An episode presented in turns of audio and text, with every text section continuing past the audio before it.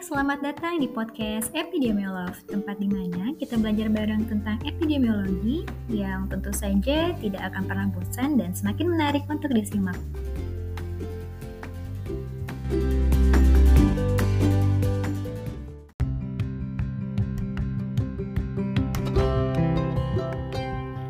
Selamat datang teman-teman di episode kedua masih tentang pembiayaan kesehatan banyak sekali ya yang harus kita kupas dari sistem pembiayaan kesehatan. Karena kalau kita mau lihat secara menyeluruh, pelayanan kesehatan itu ada yang sifatnya kuratif dan rehabilitatif dan sifatnya promotif dan preventif. Sebelumnya kita sudah membahas kenapa sih kita harus punya sistem pembiayaan kesehatan. Nah, episode kali ini kita lebih membahas mekanisme sebuah sistem asuransi yang bisa kita jadikan solusi dalam pembiayaan kesehatan. Teman-teman juga pasti tentunya sudah tahu jenis-jenis asuransi apa sih yang ada di Indonesia. Bagaimana sih tipenya setiap asuransi yang ada, baik dari pemerintah yang disediakan oleh pemerintah maupun asuransi kesehatan yang ditawarkan oleh provider swasta. Sebelum itu kita harus membahas terlebih dahulu Sumber dana biaya kesehatan itu dari mana aja sih? Yang pertama dari anggaran pemerintah, kemudian bisa juga dari anggaran masyarakat. Tidak sedikit juga kita mendapat bantuan dari dalam dan luar negeri untuk pembiayaan kesehatan. Dan yang terakhir adalah bagaimana kita menggabungkan anggaran pemerintah dan anggaran dari masyarakat. Namun sayangnya teman-teman, kita ketika kita melihat di lapangan biaya kesehatan itu sangat tinggi. Nah, kita harus tahu nih kira-kira kenapa sih biaya kesehatan itu sangat tinggi padahal seluruh seluruh lapisan masyarakat itu membutuhkan pelayanan kesehatan. Yang pertama, biaya pelayanan kesehatan itu dipengaruhi oleh tingkat inflasi. Jika terjadi kenaikan harga di masyarakat, maka otomatis ya, biaya investasi dan juga biaya operasional pelayanan kesehatan juga akan meningkat. Yang tentu saja ini akan dibebankan para pengguna, dibebankan kepada para pengguna jasa pelayanan kesehatan. Yang kedua, biaya kesehatan itu tinggi karena tingkat permintaan.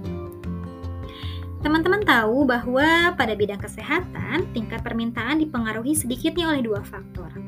Yang pertama, meningkatnya kuantitas penduduk yang memerlukan pelayanan kesehatan. Karena jumlahnya bertambah atau jumlahnya selalu lebih dari pelayanan kesehatan yang disediakan, maka biaya yang harus disediakan harus meningkat pula dong. Yang kedua, meningkatnya kualitas penduduk. Dengan tingkat pendidikan dan penghasilan yang lebih baik, maka otomatis secara naluriah masyarakat itu akan menuntut penyediaan layanan kesehatan yang lebih baik pula. Dan hal ini tentu saja membutuhkan biaya pelayanan kesehatan yang lebih baik dan lebih besar. Yang ketiga adalah kemajuan ilmu dan teknologi. Sejalan dengan adanya ilmu dan teknologi ini, kemajuannya sehingga berdampak pada penyelenggaraan pelayanan kesehatan. Memberikan kesulitan tersendiri misal ketika kita memiliki atau menggunakan alat-alat kedokteran yang modern dan canggih tentu saja biaya yang harus dikeluarkan harus lebih banyak untuk berinvestasi. Para provider membeli berlomba-lomba membeli alat-alat yang canggih untuk berinvestasi sehingga berpengaruh pada biaya pelayanan kesehatan yang mereka ajukan kepada masyarakat.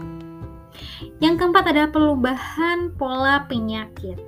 Meningkatnya biaya kesehatan juga dipengaruhi adanya perubahan pola penyakit yang bergeser dari penyakit menular ke penyakit tidak menular atau dari penyakit yang sifatnya akut ke berbagai penyakit yang sifatnya kronis. Tentu saja kita bisa melihat penyakit yang tidak menular atau penyakit yang sifatnya kronis lebih membutuhkan banyak biaya karena long last seperti itu ya. Jadi uh, ketika diobati dia membutuhkan terapi yang berkali-kali, kemudian dia membutuhkan paparan yang lebih banyak terhadap obat dan alat-alat kesehatan sehingga biayanya juga lebih mahal. Kemudian ada juga pengaruh dari perubahan pola pelayanan kesehatan. Ini terjadi akibat perkembangan keilmuan dalam bidang kedokteran sehingga bentuk terbentuklah spesialisasi dan subspesialisasi yang menyebabkan pelayanan kesehatan jadi terkotak-kotak. Nah, jadi satu sama lain seolah-olah tidak berhubungan nih teman-teman semuanya. Jadi ini mempengaruhi dari biaya kesehatan masyarakat, pelayanan kesehatan. Dan tentu saja ketika kita ingin mengakses dokter umum, dokter spesialis maupun dokter subspesialis, harganya juga semakin tinggi. Yang keenam adalah perubahan pola hubungan antara dokter dengan pasien. Sistem kekeluargaan yang dulu mendasari hubungan dokter pasien seakan-akan sudah tidak ada lagi. Dengan adanya perkembangan kedokteran spesialisasi dan subspesialisasi, kemudian penggunaan peralatan ditunjang dengan kemajuan ilmu dan teknologi, itu meningkatkan biaya yang harus dikeluarkan oleh pasien. Sehingga ketika ada hal itu semua, pasien itu tentu saja menuntut adanya kepastian pengobatan dan penyembuhan dari penyakitnya.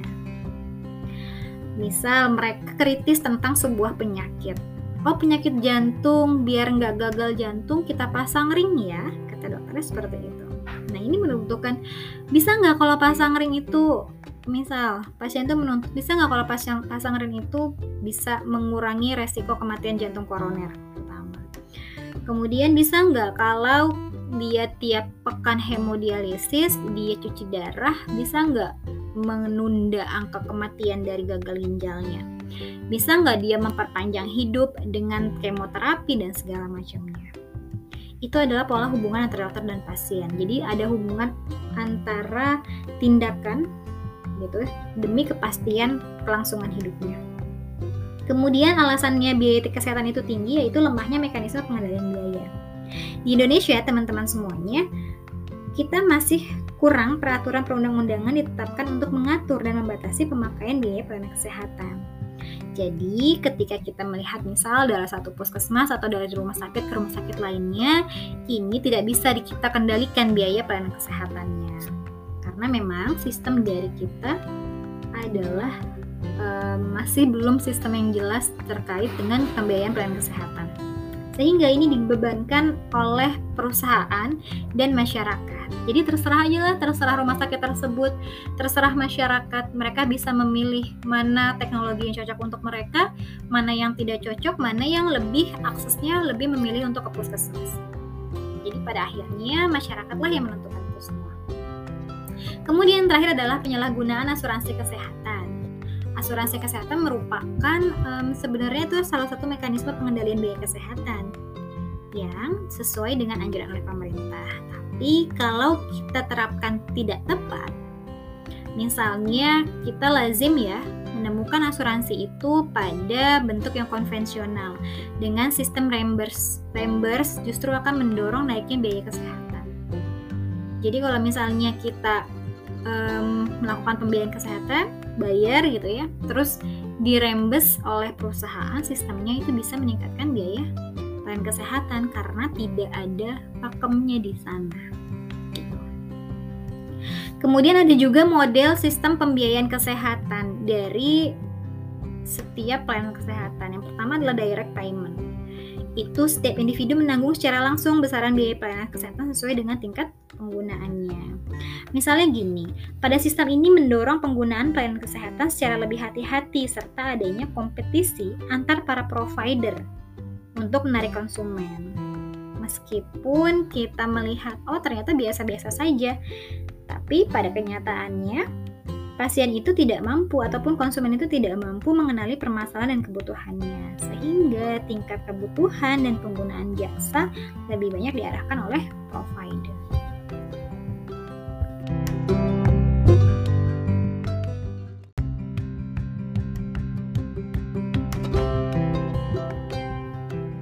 Nah, contoh dari beberapa pelayanan ataupun sistem pembiayaan kesehatan yang dijalankan oleh beberapa negara ada direct payment by patients, ada user payment gitu ya. Misalnya pasien bayar langsung biaya pelayanan kesehatan, baik pelayanan kesehatan pemerintah maupun dari swasta. Dia langsung aja user payment. Kemudian ada saving base. Ini punya karakteristik risk spreading, risk spreading pada individu namun tidak terjadi risk pooling antar individu. Artinya, biaya kesehatan langsung akan ditanggung oleh individu sesuai dengan tingkat penggunaannya Namun, individu tersebut mendapatkan bantuan dalam mengelola atau pengumpulan dana saving dan penggunaannya kalau membutuhkan pelayanan kesehatan. Biasanya, model saving base ini hanya mampu mencakup pelayanan kesehatan primer dan yang sifatnya akut saja, bukan yang bersifatnya kronis karena biasanya yang kompleks tersebut penyakit-penyakit yang kronis dan kompleks tidak ditanggung oleh setiap individu meskipun mekanismenya saving. Dia saving base. Gitu. Kemudian ada sistem pembiayaan yang modelnya dari negara tersebut informal. Misalnya pembayar pembayaran yang dilakukan oleh individu pada si provider konsumen kepada provider ke dokter, ke bidan, kemudian tidak dilakukan secara formal dan tidak diatur besarannya, jenisnya apa dan mekanisme pembayarannya. Jadi um, ketika kita mengakses pelayanan kesehatan, kemudian providernya menyatakan uh, harganya sekian, jadi dia langsung si konsumen tersebut langsung bayar sejumlah harga yang ditawarkan oleh si provider. Jadi tidak ada sistem yang jelas dalam itu. Biasanya model ini muncul pada negara berkembang, ya di Indonesia juga masih ada informal ini. Eh, ketika kita masuk ke klinik, kemudian klinik kita bayar, kita nggak tahu itu sebenarnya tiap orang itu berapa gitu ya standarnya untuk obat sakit apa berapa standarnya kita nggak tahu. Tiba-tiba kita langsung bayar di kasir seperti itu. Kemudian ada prinsipnya adalah insurance insurance base. Sistem pembiayaan dengan pendekatan asuransi mempunyai perbedaan utama di mana individu tidak menanggung biaya langsung pelayanan kesehatan. Ini konsep insurance base ini konsepnya ada pengalihan resiko kesakitan pada satu individu pada satu kelompok serta adanya sharing losses secara adil.